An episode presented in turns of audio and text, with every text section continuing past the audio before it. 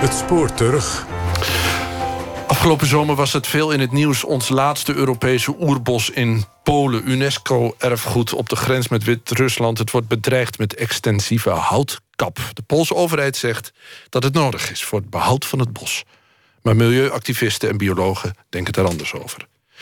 De headlines zijn dan wel verdwenen, maar het probleem is er nog... en de discussie is niet verstomd. Laura Stek trok de bossen in om te kijken hoe het zit... en stuitte daarbij op Poolse koningen, Russische tsaren... en Geurings hekrunderen.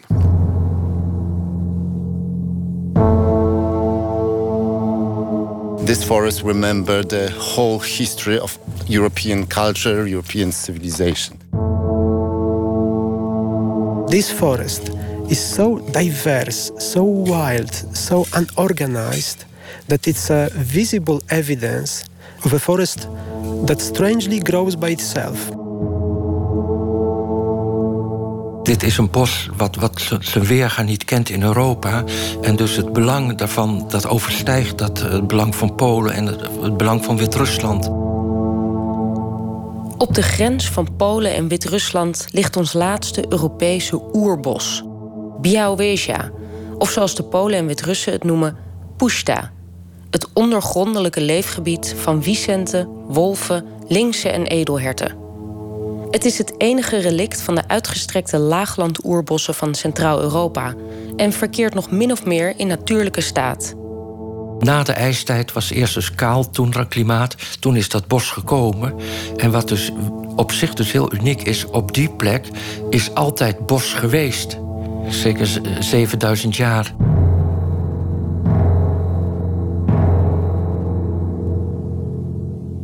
Afgelopen zomer transformeerde het zo rustige oerbos tot een waar strijdtoneel. Het haalde in vrijwel alle Europese landen het nieuws. Green activists have staged a protest in Warsaw against the felling of thousands of diseased trees in one of Europe's oldest woodlands, the Białowieża forest. The trees are suffering from spruce bark beetle, but defenders say the forest can regenerate itself by its own natural powers. The government says up to 400,000 trees have to go. Minister van Milieu Jan Sisko besloot de houtkap in 2016 te verdriedubbelen. Sisko zegt uit bittere noodzaak te handelen. De oprukkende bastkever tast het bos aan en kappen is de enige oplossing, zegt hij. Maar volgens natuurbeschermers regelt het bos zichzelf wel en gaat het om puur financieel gewin. Hoe zit het precies en welk Europees erfgoed dreigt nu verloren te gaan? Is slagroom voor de taart. Die is zelf gekookt. De taart is ook zelf gemaakt. Ik begin bij een 19e-eeuwse boerderij in Hengelo. Op een wit tafellaken staat een sierservies en een grote besuikerde taart. Alla de Bruin biedt me een flink stuk aan. Zou je jezelf even kunnen voorstellen? Voorstel. mijn naam is Alla, mijn achternaam is Kwiatkowska de Bruin. Ik ben getrouwd samen met Onne de Bruin. Wij samen meer dan 16 jaar. Ik ben archeoloog. Uh, mijn naam is uh, Onno de Bruin. En uh, ik heb gewerkt als ecoloog, natuurbeschermingsecoloog... bij natuurmonumenten. En ben je geboren vlakbij uh, Białowieża? Ja, of? klopt, klopt. Ik ben geboren in Brest. 60 kilometer van Pusje. Ja, dat is... Ik kan zeggen, dat is mijn vaderland.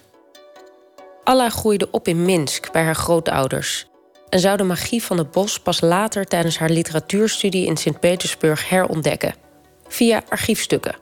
Ik heb uh, gevonden hele verhalen, niet alleen van wetenschappers, maar van uh, reizigers. Welke zeggen dat wat het mooie bos, wat het vrolijke bos, hoe is het bijzonder. Vrolijk bos? Vrolijk, heel vrolijk bos. En dan opeens komen die wolken, bam, bam, bam, onweer. Half uur later, alles is weg. Dat is als niets gebeurt, ja, alweer, alweer vrolijk. Vind je het ook vrolijk? Ja, ik vind het ook vrolijk. Ik word er altijd heel goed gemeurd aan. Ja, absoluut. Onno en Alla de Bruin zouden elkaar daar pas veel later ontmoeten tijdens een congres. Onno kwam er toen al jaren, als geïnteresseerd ecoloog. Dat is al in 1976 dat ik er voor het eerst geweest ben, omdat ik erover gehoord had. En dat is uh, liefde op het eerste gezicht geweest. En wat was dat liefde op het eerste gezicht? Ja, het is gewoon het mooiste bos wat wij in Europa hebben. Dat uh, klinkt een beetje chauvinistisch, maar. En het is ook, inderdaad, is het rijkste bos. Het ligt namelijk op een soort ecologisch knooppunt van drie klimaatgebieden. Van het Atlantische, waar wij wonen. En dan het continentale, dus Midden-Europa. Maar ook nog een inslag vanuit het noorden. Dat heet het Boreale. En dat betekent dus dat van al die drie grote klimaatgebieden... planten en dieren aanwezig zijn. En het tweede bijzondere is dat, is dat de grondslag heel rijk is. Het is heel rijke bodem en er zit veel variatie in natte en droge stukken. En vroeger en dan praat je dus echt de middeleeuwen en, en soms wel eerder, zijn dus die rijkste stukken het allereerst ontgonnen en het meest ontgonnen. En het is dus een soort wonder dat op deze rijke gronden het bos niet uh, verdwenen is. Oostpolen. De route van Warschau naar Białowieża duurt vier uur. De houten huizen zien er met de kilometer slechter uit.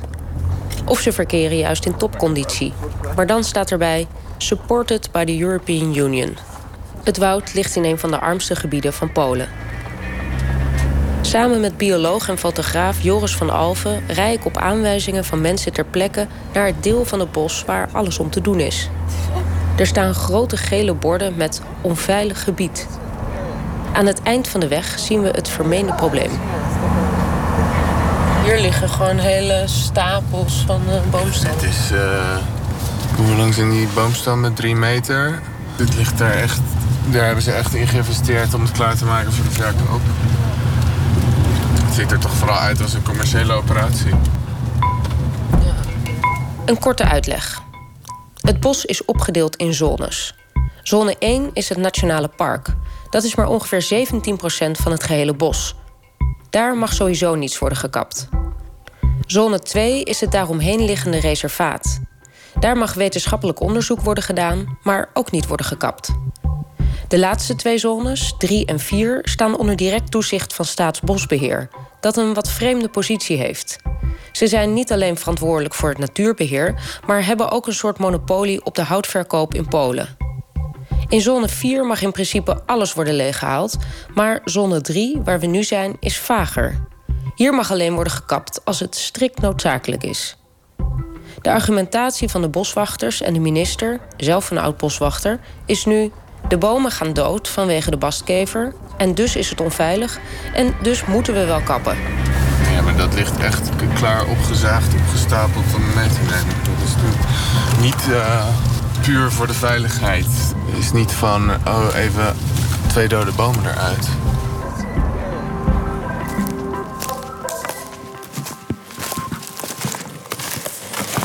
We lopen nu het dichte bos in.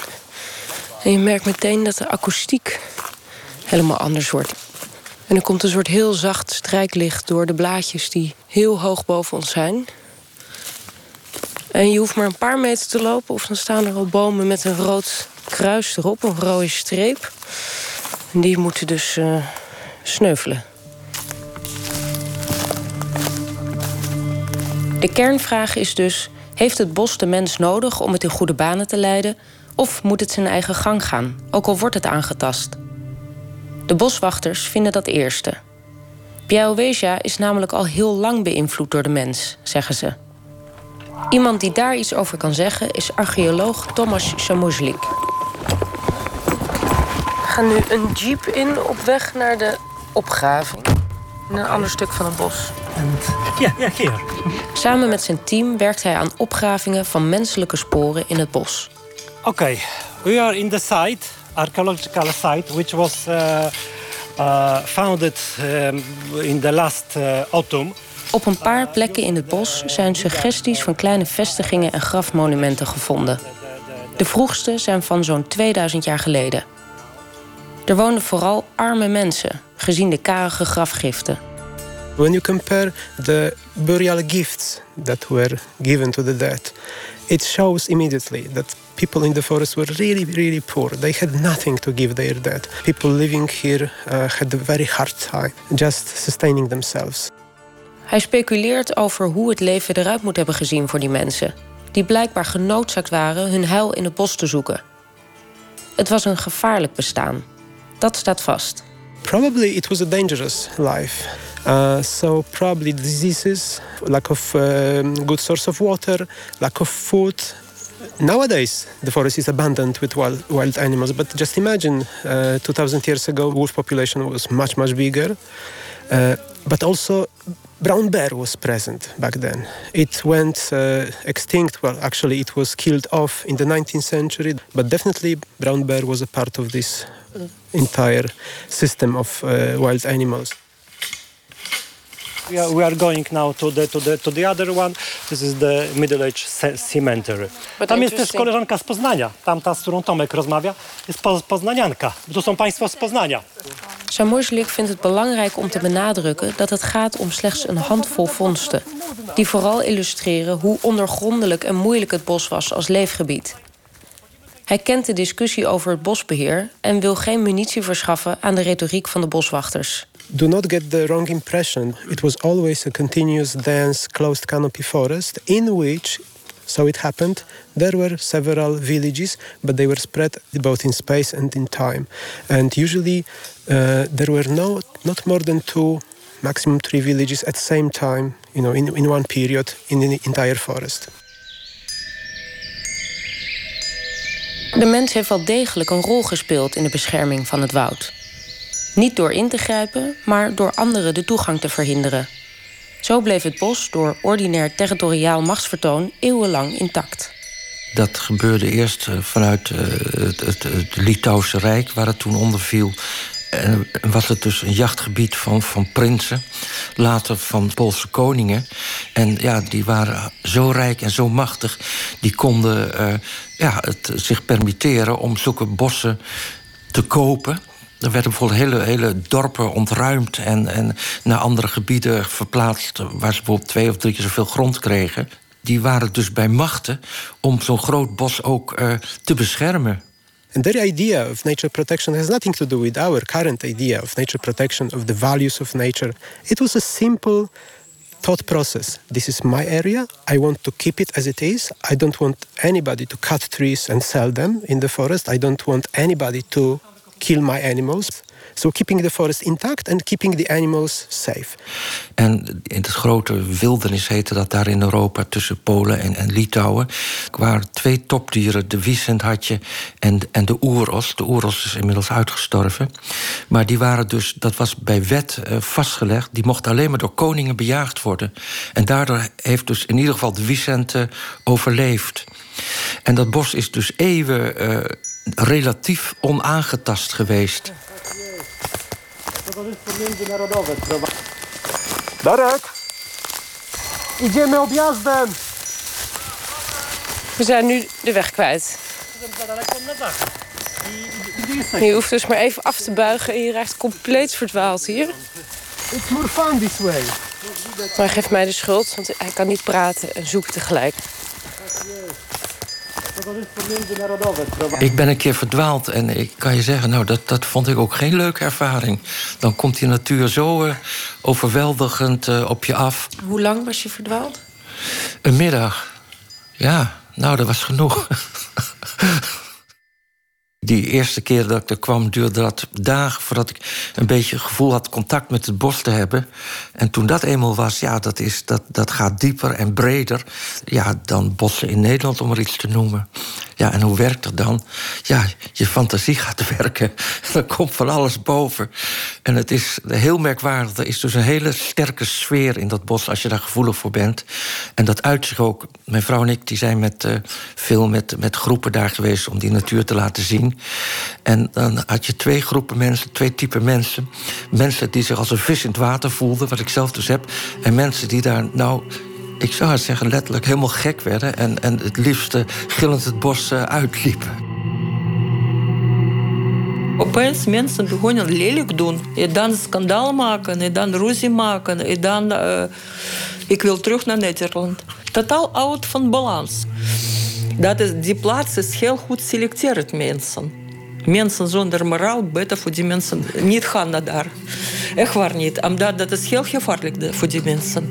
Dat bedoelt dat die plaats zelf is zo schoon. Dat alle wat die zwarte plekjes, welke mensen hebben in zich, dat is meteen zichtbaar.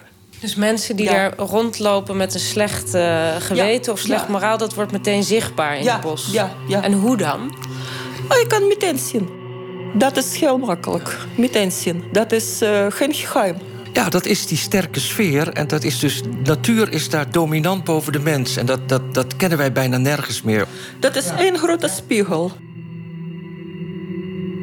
De natuur als spiegel voor de mens. Dat was een idee dat ook de 19e-eeuwse romantici aansprak. Er kwamen dan ook veel dichters, schilders en naturalisten naar het woud. En allemaal waren ze onder de indruk van de zichtbare versmelting tussen leven en dood. The trees are growing where they want to or where the conditions allow them to. They die when their time comes, not when people decide. And what was uh, most striking for several naturalists was the amount of dead wood. This idea of primeval, wild, dead, full, full of dead wood, Białowieża forest. That this was something unique for this forest that they expressed, that they stressed out in almost each and every text they left. Wij stoppen in onze maatschappij het, het doden en het doodgaan. Dat, uh, dat is uh, toch nog een behoorlijk sterk taboe. En dat is daar heel dominant. Maar eigenlijk is dat dus de natuurlijke toestand. Het bos als een soort organische begraafplaats sprak ook filosoof en grondlegger van de romantiek Jean-Jacques Rousseau aan. Hij zou zelfs van plan zijn geweest er voor goed heen te verhuizen. There was this entire plan to settle him in Poland uh, and actually in Białowieża forest. So his ideas were very close to how the people lived in the forest together with nature. So the idea of Polish king, the last Polish king, uh, Stanisław August Poniatowski, was to give him a part of the forest and the village on the border of the, of the forest so that he can safely live here. And it was going very well. It is said that Rousseau was very interested to come. Unfortunately, uh, there was a fraud. De Poolse koning had vrijwel alles geregeld: een stuk bos, een huis. Maar zo wordt gezegd, de koetsier die Rousseau van Frankrijk naar Polen moest vervoeren, ging er vandoor met het reisgeld. En dus arriveerde Rousseau door een kleine klinkende kabel nooit in Polen.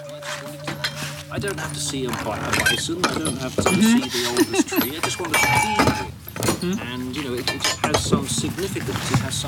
Langs de dorpsweg uh, is een, uh, nou, klein terrein. Het is een oude schuur. En een groot houten huis. En daaromheen is het kamp gebouwd. Het zijn ongeveer 50 mensen, denk ik, 60. En hier is de grote gemeenschappelijke ruimte. Er hangen overal briefjes met wat je wel en niet mag doen. Dit is het kamp van de milieuactivisten, die hier nu sinds een aantal maanden actie voeren.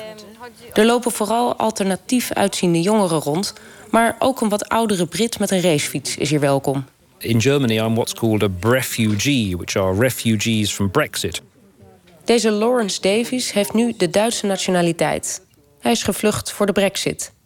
Hij heeft heel Midden-Europa op zijn fiets doorkruist. I've, I've cycled through the Czech Republic and then through Germany and then all the way through Poland. And I deliberately wanted to come here. I read about the fact that it's almost the only piece of primeval forest that still exists in Europe, and it has some sort of emotional or spiritual significance. And uh, I've just cycled past the camp uh, purely by accident, and uh, I think it's wonderful what these um, young people are doing.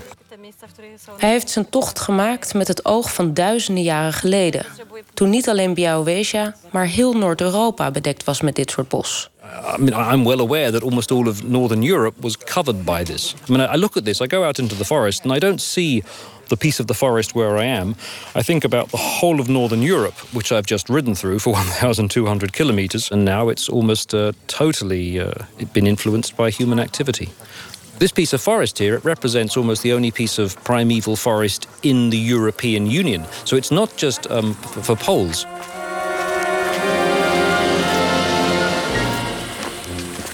Ook in de 19e eeuw bleef het bos niet alleen voorbehouden aan de Polen. Oost-Polen werd ingelijfd door tsaar Alexander I. En Białowieża werd het persoonlijke jachtterrein van de familie.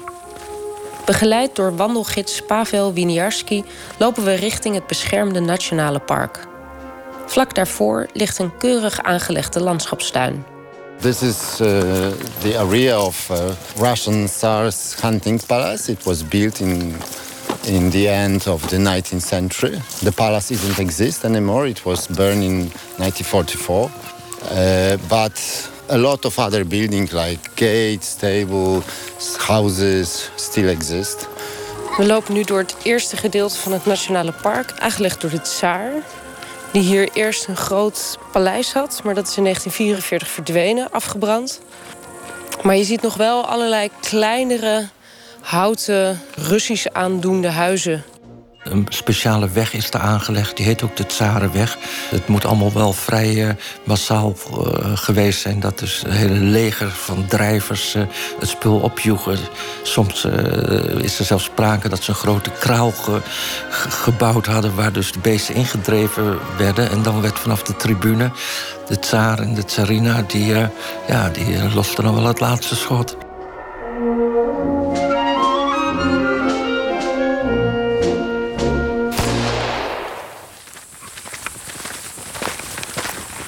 In het plaatselijke restaurant, waar ze dikke deeglappen met everzwijn serveren, hangt een foto van de tsaar met zijn jachtgevolg uit 1914. Ze kijken trots de camera in en er ligt een groot harig beest aan hun voeten. Een jaar later zouden ze met hun hele hebben en houden vertrekken, om er nooit meer terug te keren. Het Duitse leger nam het woud kort daarna over. Dat werden drie donkere jaren voor het bos toen de Duitsers het gebied veroverd hebben... die hebben een, een systeem van uh, smalspoorlijntjes aangelegd... om het hout af te voeren. En er zijn duizenden uh, krijgsgevangenen en dwangarbeiders bezig geweest... om het bos, laat maar zeggen, te slopen. Omdat het zulke, zulke mooie bossen en zulke mooie bomen waren... is er heel veel hout naar de scheepsbouw gegaan. Er is zo verschrikkelijk veel gekapt. En in die tijd heeft men ook de Vicente uitgeroeid. En ja, het is gewoon gezien als een windgewest. Na de Eerste Wereldoorlog is, is Polen is dus uh, een staat geworden. En toen zijn er dus hele vooruitstrevende geesten geweest... die zeiden we moeten gaan beschermen. En toen is al dus in 1921 de basis gelegd voor het uh, Poolse Nationale Park. En later zijn er gelukkig nog uh, meer reservaten bijgekomen. So this is very beautiful example of Białowieża oak. Not very wide, but very straight. For sure, more than 30 meters up, but it could be even more than 40 meters up high. And this is an owl, tawny owl. De schemering zet al in, maar de wolven, de edelherten en de wiesenten houden zich nog goed verborgen. Na de Eerste Wereldoorlog was de wiesent uitgestorven. Hij zou in de jaren 50 pas weer worden geherintroduceerd. Maar nazi Herman Geuring, die hier in de jaren 30 al kwam jagen, had een heel eigen dierenwens. Hij wilde het mythische oeros terugfokken en koos Białowieża als zijn terrein. Im Nordosten des Reiches liegt eines der größten geschlossenen Waldgebiete Deutschlands. Sie ist seit Jahrhunderten auch eines unserer berühmtesten Wildreviere. Ja, dat is ook een project wat hij gedaan heeft met de, de directeuren van de dierentuin in Berlijn, de gebroeders Hek, om die oorlog die uitgestorven was weer terug te fokken. Er zijn wel dus uh, vormen gekomen van runderen die, die, die, er sterk op lijken. Maar het, het, de echte oeros, uh, nou, ik, wat ik gezien heb, dat. Nee, dat is toch niet dat je kan zeggen dat is hem weer. Seit einigen Jahren beherbergt er auch Auerochsen oder Uhren. Sie waren im 17. Jahrhundert ausgerottet, haben aber dann in jahrelanger Züchtungsarbeit der Gebrüder Dr. Heck aus den verschiedentlichen Hausrinderrassen ihre Auferstehung erlebt. Het was niet toevallig dat Keuring Polen als heimat voor zijn oud-Germaanse oeros koos. De nazi's zagen het woud als verlengstuk van het oude Oost-Pruisen, de geboortegrond van de Arische mens. Daarom werd het gebied in 1941 al gezuiverd. De Joodse mannelijke bevolking werd direct geëxecuteerd in de bossen. De vrouwen werden naar Treblinka afgevoerd. En daar hield het niet mee op. We passeren een rijtje verweerde loopgraven en stuiten op een troepje kruizen. This is the, the, the, graves of the people, of inhabitants of Białowieża, which have been shot in this place during the Second World War. Die Duitsers die hebben daar toen op een vreselijke manier eh, tegen die bevolking huis gehouden. En een schrikbewind gevoerd, ook omdat in die bossen uh, veel guerrilla-strijders zaten. Because they, they have been suspected that they cooperate with an underground movement. So this is a little cemetery Ja, die zijn geëxecuteerd. Dat zijn guerrilla-strijders uh, die men dan opgepakt hebben. En werd naar een plek in het bos gevoerd. En dan, uh, ja, dan werden ze terechtgesteld. En ik ben ook wel eens een keer ergens op een uh, monument, een kruis, een heel oud kruis gestuurd. En daar stond het jaartal 1863 in gekerfd. En dat is het jaar dat Poolse edelen in opstand gekomen zijn eh, tegen de tsaar. En die zijn de, daar is blijkbaar op die plek in het bos ook toen al eh, executies uitgevoerd. Natuurlijk eh, uit het zicht van de mensen.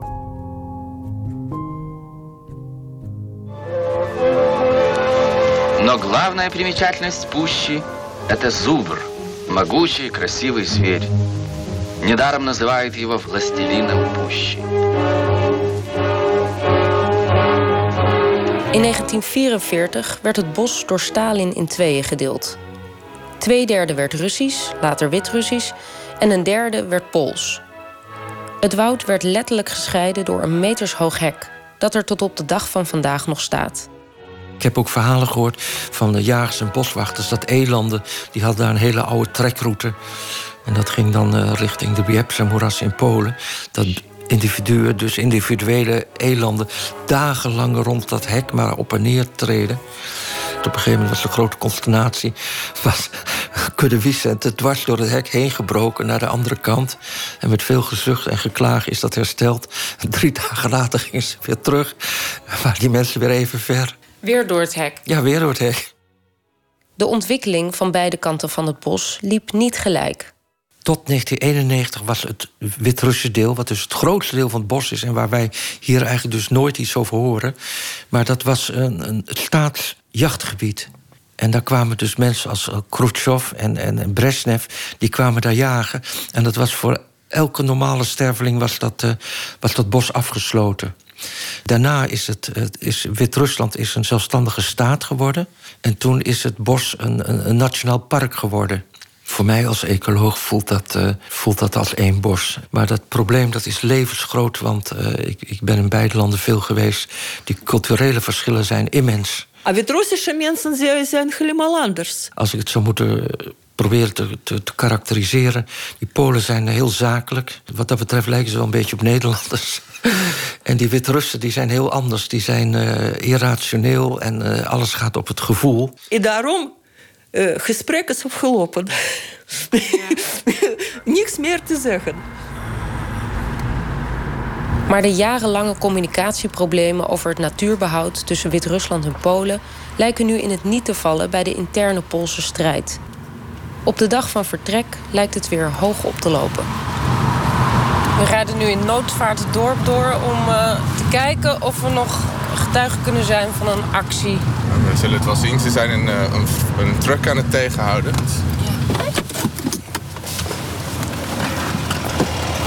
We kunnen gewoon het lijntje volgen van het satellietwagentje. Dus daar duidelijk iets aan de gang, want er staat een rijtje auto's, zwaailichten. Dus we zien hier twee hele grote vrachtwagens waar boomstammen op liggen. En er hangt een, uh, dus een paar activisten die zijn op de boomstammen gaan liggen en zitten. Eentje slaapt lekker, lijkt het. En er hangt een bord met World Heritage is not for sale. So how long have you been here? Since nine. Het meisje zit nu vijf uur op de truck. Did you experience it before? What happens next? Every action is different. Ze zegt, ik heb geen idee hoe het verder zich gaat ontwikkelen. Elke actie is anders, dus we zullen zien. Er is ook een woordvoerder van de actiegroep. Hij loopt ongeboeid rond en legt uit wat er volgens hem niet klopt aan deze lading boomstammen. They are only allowed to cut the wood that uh, cut the trees that uh, can affect public safety. Yeah. But then they have to leave the trees in the forest. So and they are removing both uh, the, the younger trees like this ones, uh, but they are also removing the uh, over 100 years old trees. And this is uh, like explicitly stated in the Court of Justice EU Court of Justice decision that it is prohibited to remove such trees. De bomen zijn gekapt met het veiligheidsargument. Maar er worden ook kostbare bomen van meer dan 100 jaar oud meegenomen. Iets wat het Europees Hof van Justitie afgelopen zomer nog expliciet heeft verboden. Er staat hier een groepje mannen en ze zijn allemaal een beetje opgewonden. Uh, een paar jonge jongens in gele vestjes die ook werken voor het houtkapbedrijf. En een, uh, een tandeloze meneer die zich duidelijk het meest opwindt van iedereen? To ja nie wiem, wie pan Został, został tylko... Został Co? tylko... Zostało, Zostało parę procent świerku. What is the conversation about? Uh, the conversation is about who destroyed this forest. We vragen hem wat hij vindt van de actievoerders. Dzieci nada. Like children, kindergarten. By nie było, żeby im nie dawali o. And this is the, I uh, the żadnej next. akcji nie było. There is uh, the, the action grube, is only miliony na to mają. the action is only O because they have they have Powie pan, że śmierdziele. tak dobrze zaraz powiem. Ja mówię, że śmierdziele. Dobra. only because they have uh, money for what they do. De discussie tussen een bioloog uit Warschau en de dorpsbewoners blijkt verder te gaan dan alleen de kap. Het gaat ook over politiek. De dorpsbewoner ziet de activisten als rijke elitejongeren uit Warschau die betaald worden door de wetenschappers om hier te komen. Een andere man geeft de vorige regeringspartij Platforma de schuld van de staat van het bos. Rządy Platformy przez 8 lat to zrobiły tyle, że puszcza gnije. Będzie się waliło ludziom na głowy. We need to order this forest. We need to order Hij steunt de nieuwe nationalistische regering en vindt het juist goed dat de minister actief ingrijpt. Wat er dus eigenlijk zou moeten gebeuren is dat van beide partijen redelijke vertegenwoordigers zijn die ook uh, niet alleen kunnen praten, maar ook kunnen luisteren. En dat ze dus uh, gematigde oplossingen gaan zoeken. Maar die matigheid die is dus ja, jammer genoeg heel ver te zoeken. Het probleem lijkt voorlopig nog niet opgelost. En de Poolse regering lijkt zich nog niet neer te leggen bij de oproep van het Europese Hof om de kap direct te staken. Alla de Bruin heeft zo haar eigen ideeën over de mensen die het bos als hun eigendom of als een goudmijn zien. Iedereen weet hoe het afgelopen. Litouwen-Rijk kapot, Poolse Rijk ook kapot, en het Russische Rijk kapot. Tsar is het ook niet goed afgelopen. Nee, en met nee, de nee, Duitsers is het ook niet goed afgelopen. Ze krijgen automatisch wat ze verdienen. Dat kan alles en nog wat. Dat kan ziektezwaarte bijvoorbeeld. Ja, dat helemaal niet te genezen. Ongeluk of familie kapot opeens. Dat weet ik niet. Wat is dat? Je kan verdienen alles nog wat, maar bos zal bepalen. Dat was het spoor terug over onze laatste Europese oerbos in Polen... gemaakt door Laura Stek met techniek Berry Kamer. Dit was ook OVT voor vandaag. Zometeen na het nieuws de perstribune met Karel Kuil... voormalig mediadirecteur van de NTR. Wij zijn er volgende week weer. Heel graag tot dan. En, oh ja, heel ouderwets. Goeie zondag.